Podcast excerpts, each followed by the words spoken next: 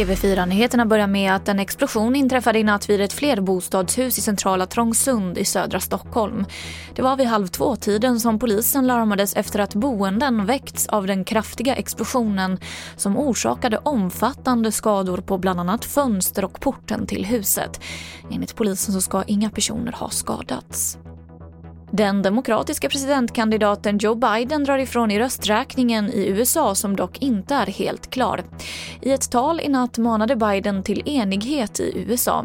Men president Trump fortsatte att hävda att valet kommer att avgöras i domstol. Och mer om detta på tv4.se.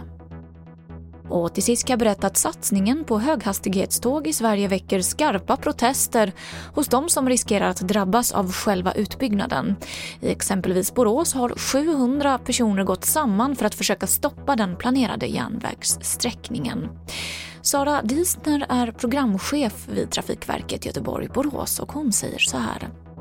Ja, men det är ju en, en oro som vi både förstår och har stor respekt för.